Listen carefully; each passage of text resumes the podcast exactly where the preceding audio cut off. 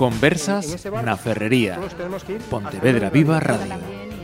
Hola, saludos. Arrancamos estas conversas na Ferrería para hablar de una cuestión pues que no es precisamente demasiado amable, pero es un tema latente. Además, este mes de julio, quien no ha visto, leído esa información en la que se hablaba de la propietaria de un establecimiento de hostelería en Granada, buscaba personal para su negocio, pero hacía una matización. Decía que quería personas mayores de 50 años. Y esta mujer explicaba los motivos de por qué buscaba eh, este perfil de, empleados. Bueno, pues eh, esa llamada recibió centenares de, currículums y, pensamos aquí en estas conversaciones, oye, pues ¿por qué no chequeamos miramos a ver qué es lo que pasa con esa población a partir de los 45 años que no encuentra trabajo. Bueno, pues tenemos como invitados hoy en estas eh, conversas aquí en el estudio a Vicente Vázquez, eh, que es eh, coordinador en el área de bioeconomía de la Asociación de Víctimas del Paro en Galicia. Bienvenido. Buenas tardes. También nos acompaña en el estudio Francisco Silva, que además de miembro de esta asociación, me decían, es potencial emprendedor en paro por ahora. Bienvenido también. Hola, buenas tardes. Y por línea telefónica nos acompaña el presidente de la Asociación de, Víctimas del Paro, Joaquín García. ¿Qué tal? Saludos. Hola, buenas tardes. Un saludo. Joaquín, eh, con permiso de nuestros invitados aquí en el, en el estudio, ¿nos podrías explicar, por favor, eh, qué es la AVP, desde cuándo estáis eh, en activo? Sí, la Asociación Víctimas del Paro la fundamos en diciembre del 2013. Pues eso, una serie de personas que estábamos en paro y que decidimos pues hacer una asociación que queríamos que tuviera un nombre muy similar a la Asociación Víctimas del, Terrorismo, para darle un poquito de repercusión y conseguir pues tener más llegada a los medios y más llegada a las personas. Y el objetivo pues fundamental era eso, dar soluciones y propuestas para las personas que están en paro, contactar con partidos políticos, con organizaciones e intentar sobre todo eso, buscar soluciones para las personas que están en paro eh, de todas las edades y muy especialmente las mayores de 52 años, porque son las que más sufren la consecuencia del paro. Según los datos que yo he extraído, de los aproximadamente 3 millones de, parados, un millón eh, son personas con más de, 45 años. Sí, sí. Eh, por ejemplo, mayores de 52 sé que son unos 650.000 que por eso mismo el subsidio que aprobó el Gobierno en marzo de, este año eh, pues llega a unas 330.000 personas en total, pero sigue dejando fuera unas 220.000 personas. Por eso calculamos que hay unas 600.000 personas paradas mayores de 52 años. Eh, me gustaría que, esto más que pregunta-respuesta fuera, fuera una charla. Eh, una, de, una de las cuestiones que uno se, plantea ante una situación así es, eh, si en este país desde 2013 la edad de jubilación está a los 67 años, 65 si has cotizado 38 años y, y 6 meses, resulta que nos encontramos que dejamos sin trabajo a ese millón de personas que están, se puede decir, casi en la mitad de su vida laboral, ¿no? Eh, por desgracia es eso, y además lo más grave es que si has repasado las cifras, muchos de ellos son parados de larga duración, parados que llevan más de un año, más de dos, e incluso parados de más de cuatro y cinco años. Es decir, que estamos hablando de un paro crónico porque a partir de esas edades es muy difícil acceder de nuevo al mercado laboral. Insisto, que, hablemos todos, que no sea esto una, una pregunta-respuesta. pregunta respuesta eh, esta situación es, evidente que se ha agravado después de, la crisis, con la precariedad del, mercado laboral, ¿no? Vamos a ver, eh, hay distintos contextos. Uno es la crisis que todavía dura y muy prominente, muy visible en, en la provincia de Pontevedra y también Galicia. Somos una región que exportamos talento fuera de la comunidad, ya sea Madrid, Barcelona u otros países europeos y eh, vemos que hay una precarización del sector, vamos, del mercado laboral, donde parece que a partir de 45 o 50 años estamos descatalogados. Es decir, nuestra experiencia laboral y nuestra formación, que también es muchas veces continua, pues ya no vale. Es decir, es como si hay un criterio establecido que pocas salidas tenemos, ¿no? Los titulados o no titulados, realmente con distinta experiencia.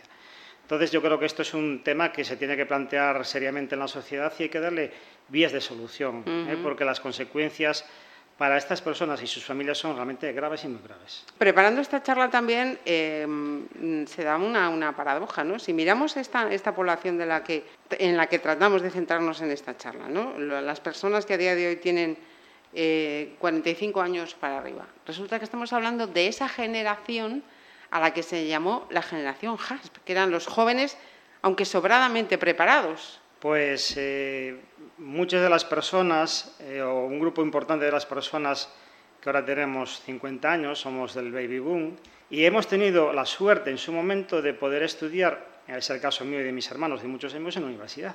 Cosa que hoy eh, se está analizando que está empezando a pasar lo contrario, es decir, ya no cualquiera puede ir a la universidad. El caso de mi hijo, por ejemplo, quería ir a la universidad, ha acabado un FP superior y no ha podido ir a la universidad porque no teníamos los medios adecuados para pagarle la carrera. Es decir, le estoy poniendo un ejemplo real. Por eso que tanta formación y tanta experiencia, al final es una pena tirarla ¿eh? por, el retrete realmente. Y claro, y hay que atender que esta gente tiene una serie de necesidades, tanto personales como de familia y sociales, que no se están cubriendo. Por eso que lo que buscamos realmente es que haya soluciones. Y en la Asociación Víctimas del Paro tenemos soluciones. Unas soluciones eh, que he visto que, vosotros lo que, lo que no queréis o con lo que no os conformáis, es decir, la solución no está en, las eh, ayudas económicas, ¿no? Cualquiera de los tres, por favor. Sí, no, si eso eh, respondo yo porque es un tema un poco más amplio. Pues sí, digamos que el tema de la ayuda es como un colchón. En España hay tres millones de parados. Pues entonces sería muy complicado dar trabajo de hoy para mañana a esos tres millones de personas. Eso es de pura lógica. Incluso llevaría muchos meses el conseguir colocar a esos tres millones de personas. Entonces consideramos que lo prioritario es darles un colchón que vendría en forma de un subsidio, un ingreso mínimo, y a partir de ahí que esas personas pues se vayan colocando haciendo actividades o haciendo algún tipo de trabajo, donde entrarían pues áreas como la bioeconomía, eh, las energías renovables, eh, se podrían hacer muchísimas cosas que, bueno, si nos pusiéramos a hablar de todo lo que se puede hacer, pues seguro que no acabamos en el programa. Pero esa es un poco la línea. Dar un subsidio que sirva como colchón, pero lo ideal es que todo el mundo tuviera un trabajo, una actividad, aunque solamente fuera 20 horas al mes, 40 horas, 80, lo ideal es que fuera a tiempo completo. Si no se puede dar trabajo a tiempo completo, al menos que sean unas 20 horas, 40 horas, porque estoy seguro que a todo el mundo prefiere que una persona que está cobrando una ayuda se le vea que está colaborando con la sociedad a que no está haciendo realmente nada. Entonces yo creo que eso a todo el mundo le gustaría que quien cobre un subsidio colabore con la sociedad de alguna manera. Eh, ¿Ayudas, por ejemplo, entonces al autoempleo? Sí, incluso ayudas al autoempleo. Eh, mm, una persona que, por ejemplo, esté cobrando 500 o 600 euros, pues darle una ayuda para que pueda poner su, negocio, su empresa, aunque quiera poner un, chiringuito de pipas, pero mejor que esa persona esté intentando vender pipas y intentando producir, que no que no esté haciendo absolutamente nada. Eh, todo lo que sea crear empleo sería positivo. Si me permites, Marisa, una de las líneas que estamos apoyando en la Asociación Víctimas del Paro y la marcha Padre Sarmiento por la nueva bioeconomía y vida digna es precisamente defender el potencial de la bioeconomía en el norte de España y más en Galicia todavía, que tenemos una producción primaria muy elevada, ya sea en el mar como, en tierra. Entonces, eh, es difícil realmente, en un contexto económico como el que estamos hablando, en la situación de desempleo, que no se te potencien los recursos que tenemos en Galicia. Estoy hablando de los recursos en el bosque, como es la diversificación forestal productiva, la agricultura ecológica en tierra, la acuicultura de proximidad, la economía circular. Es decir, en la bioeconomía tenemos muchas áreas de desarrollo donde pueden trabajar personas sin cualificación, de baja, de media, FP o superiores o medios. Es decir, todo el mundo puede trabajar en la bioeconomía. ¿Qué pasa? Que necesitamos realmente que haya una actitud positiva en las administraciones, y hablo concretamente en la Xunta de Galicia, en los ayuntamientos, en los concellos y en la Diputación para apoyar a este colectivo. Eh, si no tenemos dinero y estamos sin recursos porque la situación es realmente grave, es que necesitamos ayudas de la Administración, ya sea canalizadas desde Madrid, desde la Junta o desde Bruselas, para apoyar a este colectivo, porque el emprendimiento necesita ayuda realmente económica al principio. Entonces, eh, no podemos dejar de infrautilizar nuestros recursos que tenemos, que son muy elevados en Galicia, y manteniendo una población cada vez senior más elevada con desempleo. Hablabas de Bruselas, porque no, además estamos en un contexto que, que no es exclusivo de, de, España. Paco, por favor, eh, ¿quieres decir en, algo? En lo que estaba hablando Vicente, yo redundo y digo, yo sé mi situación, proyectos empresariales que están testados, que están ahí, que alguien los montó, yo no los pude montar, ¿por qué?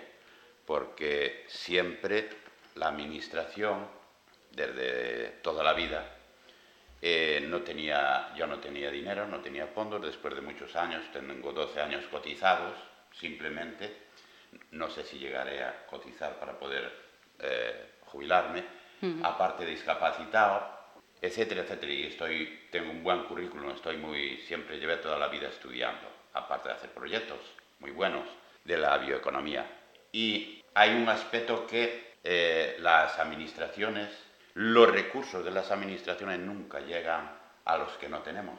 Porque lo primero que te pregunta la administración, me ha pasado a mí dos veces, eh, lo primero que me preguntaron fuera si tenía el 30% para recibir ayudas. Esto hablo de hace 25 o 26 años. Y entonces, a lo que vamos es que la administración hay unos recursos para redistribuir eh, en las empresas a nivel nacional y regional y lo que pasa y la realidad es que esos recursos van a caer en manos de las grandes empresas, medianas o grandes empresas. Nunca llega al emprendedor, que no tiene un duro. Claro, la dificultad además de lo que estás hablando, perdona Paco, es que eh, eh, esa situación ya no se restringe a los 45, ni a los 50, ni a los 60. Mm. Es que te pasa con 25 y con 30 y con 35, vamos. Te voy a poner un ejemplo, Marisa. Hace unos días hubo una reunión con bastante asistencia en Pontareas sobre desarrollo comarcal, organizó el GDR de Pontareas, y vino el alcalde eh, de Somiedo, que es un pueblo de montaña de 1.600 habitantes, un pueblo donde el potencial del pueblo es el turismo y la bioeconomía, que podría ser también el potencial de Galicia, ¿eh? resumiéndolo. Y este hombre, este alcalde, en tres años ha captado próximo a 20 millones de euros para implementar el desarrollo en su pueblo de 1.600 habitantes. Es que hay que decirlo Pero Vicente, ¿ha captado, quieres decir, ha conseguido recursos de otras administraciones para los habitantes de su municipio? Eh, eh, sí, 20 millones, 25 millones dijo, para tres años. Y ojo, y con una filosofía muy importante de apoyar el emprendimiento y la actividad privada a través de recursos públicos. Entonces, eh, en las manos de la Administración, con respecto al colectivo que estamos hablando, obviamente el colectivo joven igual, porque no tiene recursos, ¿vale? Entonces, eh, somos colectivos que necesitamos las ayudas de nuestros impuestos, de los impuestos que pagamos. Y lo que necesitamos es que tanto la Junta de Galicia como la Diputación y ayuntamientos eh, porque la marcha tuvimos muchas reuniones con muchos ayuntamientos, muchos concellos de lo que es desde Vigo la ruta para el Sarmiento hasta Santiago. Y muchos, todos los ayuntamientos son conscientes de la situación que estamos viviendo los parados. Es decir, hay que darle soluciones desde la Administración. Y lo que le pedimos a las administraciones es que empiecen a gestionar el dinero de Madrid. Estamos muy en contacto con el SEPE a nivel de dirección provincial y pronto con Madrid. Y con Moncloa, aún ayer recibimos una carta de presidencia de Moncloa entonces, queremos que los recursos que son fruto de los impuestos que pagamos, que vuelvan a retornar realmente a Galicia, a Pontevedra y a las empresas. Con este, con este planteamiento que hacéis de la bioeconomía, eh, estoy pensando que además eh, esto también eh, conduciría a algo de lo que se ha hablado también estos meses en, en todo este contexto electoral, que es la España despoblada, ¿no? La España vaciada. sí, sí.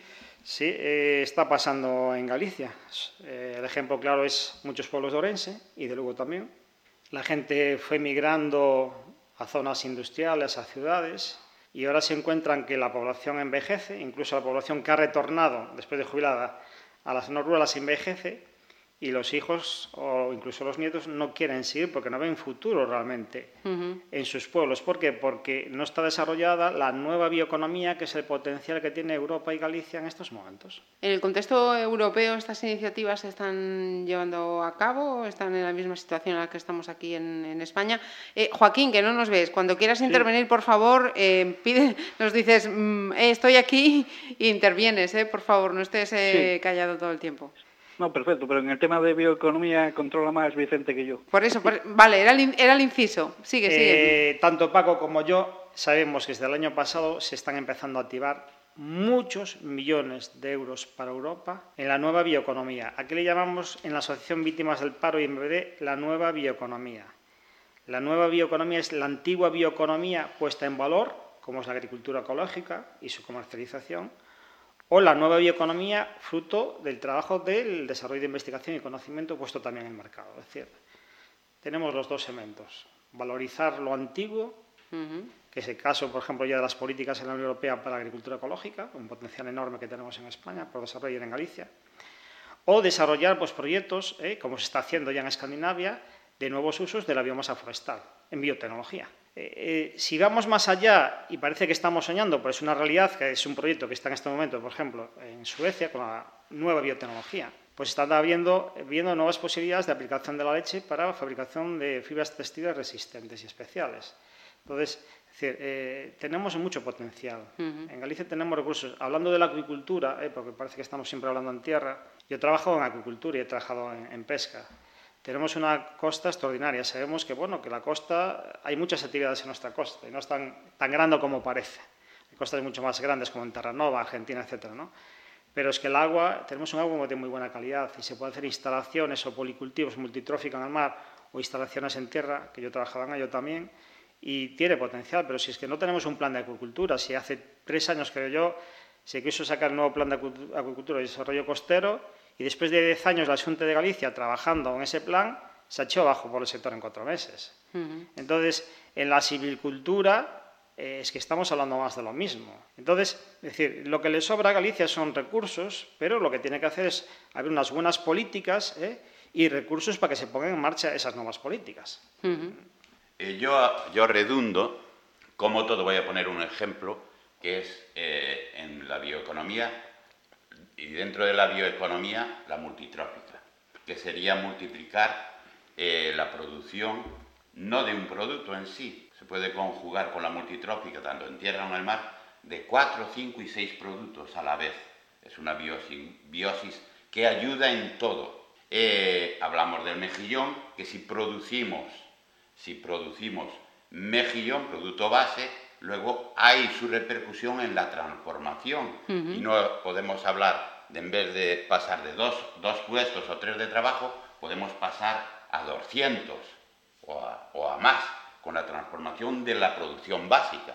Entonces, en tierra y en mar, en tierra igual, con una producción en, base a, a autónomos, cooperativas, etcétera, etcétera. Se puede ir a una producción de castañas o de patata y luego, y como eso, varios productos que te dan más eh, viabilidad para llevar a cabo una producción en tierra, no como es hasta ahora, que empezaron ya los antiguos con la bioeconomía, ¿eh? que tenían el sustento, tenían los cerdos para comer, las patatas, las vacas, vendían parte de la producción y con eso es... Policultivo, policultivo. Exacto. Eso es lo que hay que decir. Policultivo era multitrófico, policultivo, que son dos cultivos o cuatro o seis. Sí, sí. Bien, entonces, y hablamos de un mínimo de producción cada producto, un mínimo para sustentar a los trabajadores y que tengan un sueldo digno y puedan vivir dignamente sus familias. Y eso se traduce, luego viene la transformación que se puede hacer por términos de cooperativa en los pueblos eh, y producción, o sea, transformación y venta.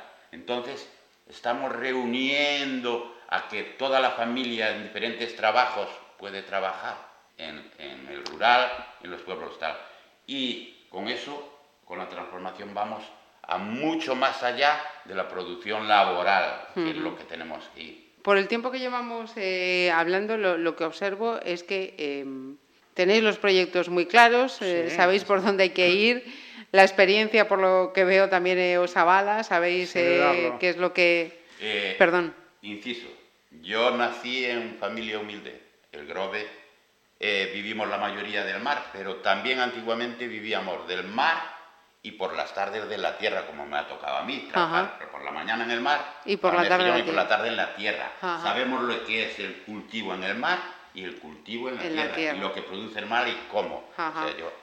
Eh, quería, quería, decir con, esta cuestión que si mm, estos proyectos de, la bioeconomía los tenéis eh, tan claros, eh, si es a priori tan, tan, tan sencillo, no es tan complicado poner en marcha todo esto que, estáis planteando, ¿qué es lo que falla? Bien, eh, falla, yo lo tengo muy claro, y Paco igual. Falla en lo que estamos insistiendo en esta tertulia. Falla el apoyo de las administraciones, un apoyo serio de las administraciones. Nosotros, en el caso de nuestra empresa de BBD, nos presentamos a distintas convocatorias a la Junta de Galicia, con un proyecto que además ha sido reconocido en, Madrid, en el CETI Gobierno de España, en el proyecto está una multinacional sueca, ECSIC Pesqueras de Vigo, dos empresas industriales de Galicia y tres empresas de vitología en España. Un proyecto que es complejo y se gasta y se invierte dinero en montarlo. Dos años lleva a montar ese proyecto de I+, de industrial. Entonces, y tenemos más, varios proyectos más y varias propuestas que hicimos a la Junta de Galicia, documentadas. En la Junta de Galicia, todos no. No sabemos si tenemos que llevar el carnet del Partido Popular para presentarnos a alguna convocatoria, pero todos no. Eso ha dado lugar durante varios años. ¿eh? Eso ha dado lugar a que hemos presentado dos quejas ante la Valadero del Povo. Y no solo eso, sino que el manifiesto que acaba de mandar recientemente la Asociación Víctimas del Paro a la Unión Europea va nuestra queja adjunta de la Valedora del Povo ¿eh? al Parlamento Europeo, que hemos recibido ya la contestación estos días de la Secretaría General del Parlamento Europeo, pendientes de la constitución del nuevo Parlamento estos días. Entonces, eh, las administraciones tienen que asignar recursos al emprendimiento senior y obviamente joven. Al emprendimiento senior porque tenemos experiencia demostrada y avalada. Entonces, si tienen que tener una actitud. Nosotros le pedimos, ahora en estos momentos, ya yendo al grano, contestándote, estamos manteniendo reuniones con varios ayuntamientos y le tenemos dos herramientas para los intentos y para la Diputación de Pontevedra, que estamos esperando que nos conteste Carmen Silva, dos herramientas para que se desarrolle realmente la bioeconomía en Pontevedra. Es decir, no hay ya ninguna duda. No solo tenemos los proyectos, porque habrá otra gente que tenga otros proyectos, sino que tenemos las dos herramientas para formar, para captar emprendedores en bioeconomía, enseñarles, si es necesario, las lagunas que tengan y formar un clúster de bioeconomía en Pontevedra para que se desarrolle la bioeconomía, sector agrario, sector forestal, sector mar, sector biotecnología fermentativa. Lo tenemos todo. Eh, Joaquín. Sí, no, si me permites ampliar un poquito eh, lo que nos estás comentando. ¿Qué es lo que falla? Sí. Pues aunque parezca muy raro, lo que falla es la voluntad, la voluntad política de hacer lo que estamos haciendo ahora en el programa de radio, lo que estamos haciendo nosotros cuatro. Sentarnos en una mesa, hablar, buscar soluciones, buscar mm, peros, que se puede hacer, si esto no se puede hacer, ¿por qué? Mejorarlo y sentarnos en una mesa. Nosotros desde la asociación proponemos al Ministerio de Trabajo, a los partidos, que se cree una mesa, digamos, por el empleo, que lo llamen como quieran, por el pleno empleo, porque creemos que se podría dar muchísimo trabajo a todas las personas paradas. Lo que estamos hablando de la bioeconomía es simplemente una rama de muchos proyectos que se podrían hacer y salir de esa mesa por el empleo si se reunieran las diputaciones, eh, los partidos políticos, los sindicatos, el gobierno, claro, quería todas las instituciones y buscar lo que estamos hablando ahora, entre todos buscar una solución, porque hay un problema muy grave, que es que nosotros, por ejemplo, cuando hablamos con ayuntamientos, nos dicen una cosa que igual sorprende a los oyentes, que es que les sale más rentable dar una ayuda a una persona que esté en paro para que esté en casa que para que esté trabajando limpiando las calles o pintando o limpiando jardines o cuidando jardines porque dicen que les sale más caro tener que pagar las, cotizaciones, los seguros, la ropa, el material, que si se le da el dinero por estar en casa. Entonces, eso sería una de las cuestiones que habría que hablar en ese perdón, trabajo. Perdona, es que eh, este es fuerte lo que estás diciendo, Joaquín. O sea, ¿es más rentable tener personas en paro que tener personas trabajando? Claro, porque un ayuntamiento, si quiere meter 10 personas para limpiar, para arreglar, por ejemplo, los jardines o para barrer las calles, pues les tiene que pagar su seguro, su cotización, su ropa, el material, y entonces en vez de 500 euros, pues igual sale cada trabajador 1.200 o 1.500 euros. Entonces el ayuntamiento eso no se lo puede permitir. Y lo mismo que pasa con el ayuntamiento, pues pasa con las empresas. Tú le dices a una empresa que contrate dos o tres parados y le sale más caro las cotizaciones casi que lo que van a cobrar de sueldo, aunque fuera un trabajo a tiempo parcial. Entonces habría que buscar un acuerdo entre todas las partes, sindicatos, empresarios, patronal, buscar la manera de que todo el mundo gane, de que al empresario le cueste menos, empresario ayuntamiento, y que el trabajador gane y que el Estado pague menos, porque si está pagando, por ejemplo, 500 o 600 euros de un seguro, eh, o sea, de un subsidio, va a salir más rentable que esa persona esté trabajando y que pague parte el ayuntamiento o la empresa. O sea, sería buscar soluciones. El problema es que realmente a veces parece como que en España no interesa acabar con el paro a mí me sorprende mucho cuando veo datos del Ministerio de Trabajo o del Gobierno que se conforman con bajar el paro cinco décimas, cuatro décimas, mm, si estamos en el 14% pasar al 13%, cuando si se hicieran podríamos hacer que todo el mundo tuviera trabajo, porque mm, lo que te comentaba antes, actividades hay muchísimas, desde atención a personas mayores, cuidado de jardines, limpieza de montes, limpieza de ríos, ahora que está de moda el tema de los plásticos, prevención de incendios, o sea, si nos ponemos a pensar cosas que puede trabajar la gente, hay muchísimas. El problema es que sale más caro eso, mm, ponerlo a trabajar que tenerlo cobrando un subsidio. Y lo grave es que luego hay muchísimas personas que no cobran subsidio, que eso ya es lo peor de todo. Personas que están viviendo con ayuda de familiares o viviendo en la calle porque cobran cero euros. Y es lo que pedimos, que tengan un poco de humanidad porque, eh, hay personas que no cobran absolutamente nada. Eso es lo primero que tendrían que buscar una solución, que esas personas cobren y vale, muy bien, que hagan algún tipo de actividad o algún curso de prevención de incendios, de primeros auxilios, aprender a manejar un desfibrilador, eh, aprender idiomas, aprender a manejar un dron, o sea, se podrían hacer muchísimas actividades, pero es eso, voluntad y ponerse a hacerlo. Claro, eh, porque Vicente nos estaba explicando eh, todo ese abanico de posibilidades que, están planteando aquí en Galicia. Tú, como presidente de la asociación en, España, ¿ves que, se repite? O sea, que no es un caso excepcional este de Galicia o, sí? No, no, yo se comento a Vicente y a Paco que no es una excepción Galicia, es algo genérico. Por desgracia, nos da la impresión eso de que las personas, los gobernantes, las personas que ocupan las instituciones, ellos tienen su sueldo y lo mismo les da que se haga un plan de empleo que no se haga. Ellos van a cobrar absolutamente lo mismo y lo único que si nos ponemos a desarrollar todo eso tendrán que trabajar muchísimo más.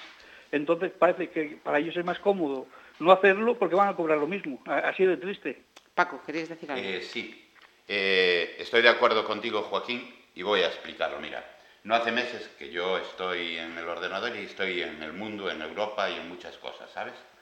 Y en España eh, vino la campaña, por ejemplo, de la fresa, hicieron falta 25.000 recolectores o trabajadores y creo que por lo que llevé, el seguimiento que le llevé, que solo se presentaron 900 en Andalucía.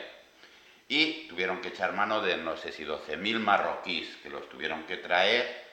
Eh, eh, incumpliendo la norma que han puesto hace unos años de que si quieren venir a trabajar aquí tienen que saber español.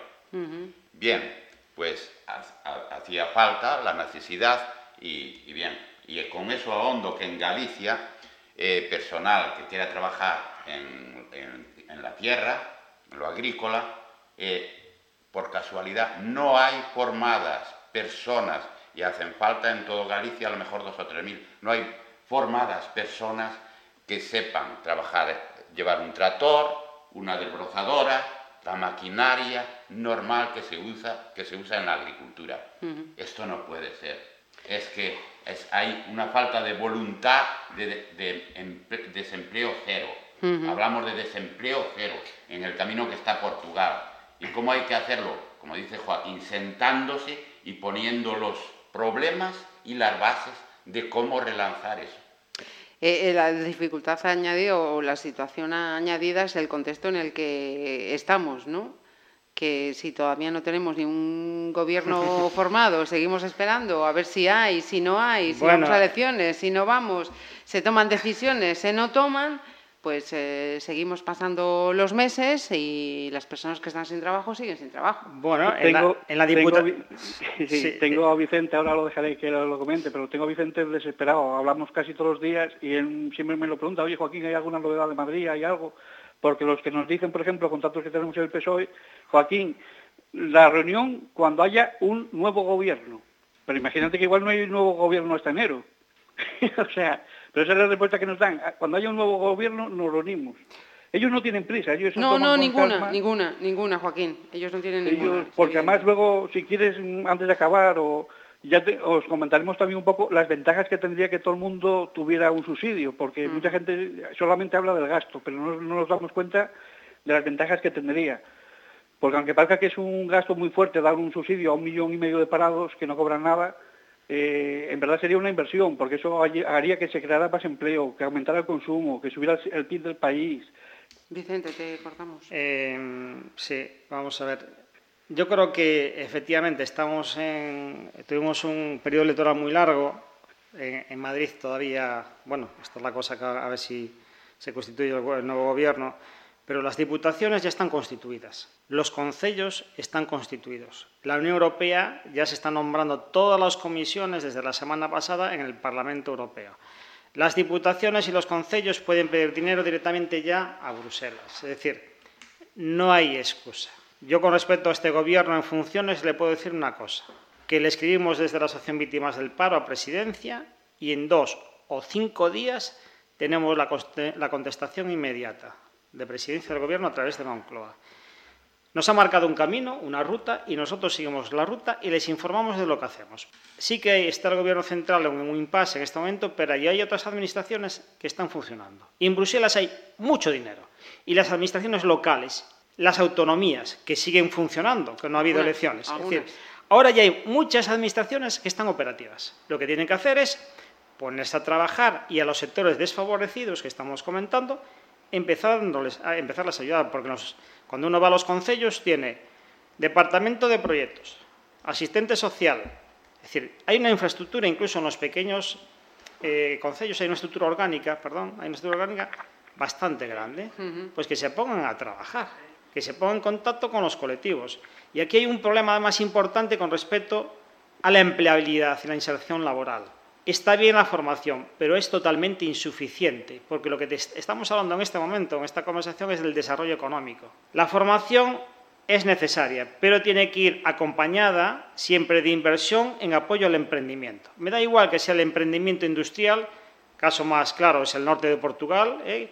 que ha sufrido realmente muy poco tiempo un milagro, es porque es un milagro lo de Portugal, caso el tema de la bioeconomía o otro tipo de, de emprendimiento. Entonces, el tema es que hay que asignar dinero ¿eh? a la inversión en actividad económica. Y mientras los gobiernos no se den cuenta de eso, que parte de los impuestos que pagamos tienen que ir dirigidos a eso, pero apoyar al pequeño. Porque el grande o el mediano recibe todas las ayudas. Desde los bancos que le dan préstamos mucho más baratos son 2%, 2 o un 3%. Desde las subvenciones que les es fácil pedirlas porque ya no tienen ni que hacer proyectos. Pagan una empresa y la empresa le hace el proyecto. Entonces, el que está desfavorecido, realmente desfavorecido en este país, es el autónomo. En la marcha que hicimos para el Sarmiento, por la nueva bioeconomía y vida digna, desde Vigo hasta Santiago hemos visto cientos de comercios cerrados, cientos de autónomos liquidando continuamente sus empresas. Entonces, llega el momento de apoyar a la pequeña empresa. Me parece una forma muy buena realmente a través de la economía social o la, economía del bien común, pero apoyar ya al pequeño. Paco tiene una frase que me parece muy válida y que la gente puede entender muy bien, que es al más menos, al que es más grande darle menos dinero y al que es más pequeño al menos, más, al más pequeño apoyarlo. Porque al final los impuestos en este país los pagamos todos y ahora resulta que la situación... más que otros. Claro, y ahora resulta que la situación es que las empresas grandes cada vez emplean menos gente, porque antes empleaban mucha gente, pero ahora con la robotización ya no emplean tanta gente. Por eso es importante que el dinero llegue al pequeño ciudadano. Eh, me parece bien que tiene que haber elecciones municipales, regionales, europeas, nacionales, muy bien. Lo que no puede ser es que mientras hay elecciones o haya, no haya un gobierno estable, ¿eh? que las mesas multidisciplinares de las que estamos hablando para sentarse los multidisciplinares profesionales para hablar de estos temas y sentar una hoja de ruta contundente para acabar con el paro. ¿eh? No pueden parar, tienen que seguir. Las ayudas no pueden seguir, es que si tenemos aquí 5 millones vamos a hacer esta ayuda para estos cuatro, para este sector. Las ayudas tienen que estar unas líneas de ayudas a nivel nacional, regional o como sea, y no duplicadas, ¿eh? Eh, que sean equitativas, o sea, ayudas que, sean, que vayan a la mediana, una parte a la mediana, un sector pequeña, pequeña empresa, mediana empresa y gran empresa. No meter todo en el saco porque siempre van a parar. Dos proyectos de la gran empresa que ya los tiene hechos antes de que salga la, ayuda determinada. ¿eh? Las ayudas tienen que estar todo el año abiertas para que la bioeconomía de este país y el engranaje, ¿eh? la, la cadena de este país empiece a funcionar y para todos por igual, no solo los recursos que vienen de Europa, de España y todo lo demás del Banco Europeo de Inversiones, que estoy al día, y todo que ya le trasladamos hace dos años, lo de más, menos, menos, más, y sigue siendo igual porque no corrigen. porque los que están gobernando en Europa son los lobbies de las grandes empresas y son las que hacen los proyectos porque tienen profesionales en sus empresas para desarrollarlos en cuatro días. Antes de salir la, ayuda, ya saben que va a salir, ya la tienen presentado el primer día.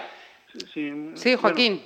sí, si me permites también otro dato, también otra declaración que también te va a sorprender, va a sorprender a nuestros oyentes, que es que eh, cuando hablamos de la voluntad, hay hasta políticos, no te voy a decir de qué partido son, por bueno, por el secreto, pero que en reuniones con ellos, ellos mismos nos reconocen que en España interesa que haya como una bolsa de parados, eh, que no interesa acabar con el paro, que interesa que haya gente desesperada, mm, que trabaje por un, cuatro euros, que trabajen por muy poco, y eh, en el fondo digamos que a los mismos empresarios les interesa que haya, que haya parados, porque si mañana un, un empresario necesita un parado, lo puede contratar por dos o tres euros, o vienen inmigrantes y trabajan prácticamente gratis, se aprovechan de ellos. Entonces tienen miedo de que si todos los parados tuvieran un subsidio, fuera más difícil explotarlos, porque lógicamente si una persona cobra 500 o 600 euros, igual ya no quiere trabajar en unas condiciones precarias. Y ese es un poco el miedo que hay y por eso no interesa tampoco acabar con el paro y por eso buscan bajar el paro un poco, pero no buscan lograr el pleno empleo porque tienen miedo que se queden sin, sin personas para trabajar en trabajos, digamos, más que, menos gustan a la gente. Entonces, todo eso se va juntando y es un poco el miedo que hay y por esas razones por las que interesa que haya paro. Aunque sea muy triste reconocerlo, pero interesa que haya gente parada porque si mañana un empresario necesita trabajadores, los tiene. Si todo el mundo estuviera trabajando o cobrando subsidio, lo tendría más complicado para encontrar esos trabajadores, tendrían que pagarles mucho más. Eh, antes de, ir eh, terminando, eh, te quería hacer una, pregunta. Nos, te preguntaba al comienzo y me decías que esta asociación está en activo desde diciembre de 2013. Sí. ¿Tenéis un, o tienes a, a mano el dato de número de personas que estáis integrados en la asociación, Paco? Digo, Paco. Sí. Eh, Joaquín. Sí, en la asociación pues seremos unas 150 o 200 personas, porque tampoco buscamos, digamos, hacer muchos socios. ¿Por qué? Porque no cobramos ni siquiera cuota de afiliado a los no, socios. No, no, es que la pregunta iba por otro sitio. Me imagino que entre casi 200 eh, eh, miembros de esta, de esta asociación, aquí no hay carnes de partido que valgan, para que nadie piense mal. De, todos los partidos, o sea... Un segundito, Joaquín, dime. hay, hay la otra cara, la otra cara de los parados mayores de 50, ¿eh? que es la, la, economía sumergida. No son contratados y la mayoría están en la economía sumergida. Hablo de albañiles, hmm. carpinteros, en la huerta y en muchas cosas más. Esa es una, una gran lacra y es por culpa de esa gente no estar trabajando eh, como tenía que ser, ¿eh? hmm. en regla y y en las condiciones salariales adecuadas. Esa es la idea. Sí, empezando por ahí. Bueno, nosotros estábamos totalmente en contra de la economía sumergida porque eso perjudica a otros autónomos, a, otras personas que están, que les cuesta mucho tener su negocio de pintura, de fontanería, un taller mecánico, una peluquería y, estamos totalmente en contra. Y incluso eso sería muy bueno, que hubiera más inspectores laborales, más inspecciones, que se, no sé, que mira el empleo que se puede crear solamente eso, en inspectores laborales que controlen ese fraude que hay en el trabajo. voluntad, que es lo que hemos repetido varias veces en esta Y por trabajo, seguro que si tú te pones a pensar, se te ocurren miles Fíjate las ideas que nos, nos, habéis puesto sobre la mesa esta tarde y hemos estado 40 minutos. O sea, que imagínate si, si de verdad los que se tienen que poner se, se pusieran. Mira, por ejemplo, una cosa que es muy dramática, que lo vemos, además está aumentando también, el tema de eh, las personas mayores que mueren en su casa solas. Pues, oye, una persona que esté parada, imagínate, por ejemplo, Paco, Vicente o yo, que pasen por una serie de 20 o 30 domicilios cada noche simplemente para ver si esa persona está bien, si necesita algo. Pues ya sería un trabajo, una labor social muy buena. Socorristas en la playa, en pantanos, pues eh, que haya más socorristas, que haya más personas que vigilen lagos, pantanos, piscinas. Eh, ¿Cuántos ahogamientos se evitarían al cabo de un año? Porque las cifras son también alarmantes. Hablando de cifras alarmantes, un dato, en España hay aproximadamente al año unos 3.600 suicidios por diferentes causas, pero se calcula que unos 1.200 son por problemas económicos. Cuando hablamos de la violencia de género, que sin duda alguna es un gran problema, nos escandalizamos y es lógico que nos asustemos porque hablamos de 60, 70 mujeres al año muertas, que ojalá no hubiera ninguna, pero es que estamos hablando de 1.200 suicidios por problemas económicos. Pues eh, sí, para, ir terminando, dinos Paco. Es increíble, eh, discapacidad hay una ley hace muchos años que empresas o grandes empresas, empresas y organismos públicos tienen que reservar un 2-3% de, de la plantilla para discapacitados. No se cumple. Ni en las grandes empresas, ni en la administración pública, que es denigrante. Y vamos, podíamos en la mesa de trabajo, yo podía echar dos horas o cinco horas o dos días. Hablando, de, de, todas las problemáticas que hay y lo que no se cumple y lo que se puede generar. O sea, pues eh, Joaquín, muchísimas gracias por hacernos este hueco en tu, en tu día, hacernos este, dedicarnos este tiempo. Vicente, muchísimas gracias también. Eh, seguís moviéndoos, haciendo convocatorias por los ayuntamientos e informando a la gente de, de lo que pretendéis, ¿no? Mañana tenemos una reunión con los seniors del Club Financiero, la segunda reunión, y tenemos una reunión con el Benegat también a nivel local, en unos concellos de aquí de Pontevedra. Y nada, yo daros sinceramente las gracias a Pontevedra Viva Radio eh, por contar con nosotros en esta tertulia. Pues sí, eh, sí, también os quería dar las gracias porque fíjate, si pudiéramos contar lo que gracias a vosotros hemos contado a nuestros oyentes hoy, si esto mismo lo pudiéramos contar en alguna emisora de radio a nivel nacional, en alguna cadena de televisión. Lo que es curioso es que mandamos estas propuestas a esos programas de televisión, de radio, y no nos conceden entrevistas. Eh, Otra pues, sorpresa más. Joaquín, eh, nosotros estamos en Internet, o sea que si alguien tiene interés, eh, la distancia aquí no importa, es igual, desde 500 metros a 5.000 kilómetros, donde quieras, en Internet estamos y nos pueden escuchar desde donde quieran y cuando quieran, que para eso está el, podcast. Así que pues, muchísimas gracias. lo difundiremos a través de la asociación también. Muchísimas gracias. A vosotros un saludo, gracias. Un saludo, Joaquín y después eh, los árbitros. los árbitros sí, ah, hemos sido varias veces campeonas gallegas y me gustó mucho porque estamos o sea, el esfuerzo Conversas na Ferrería Pontevedra Viva Radio.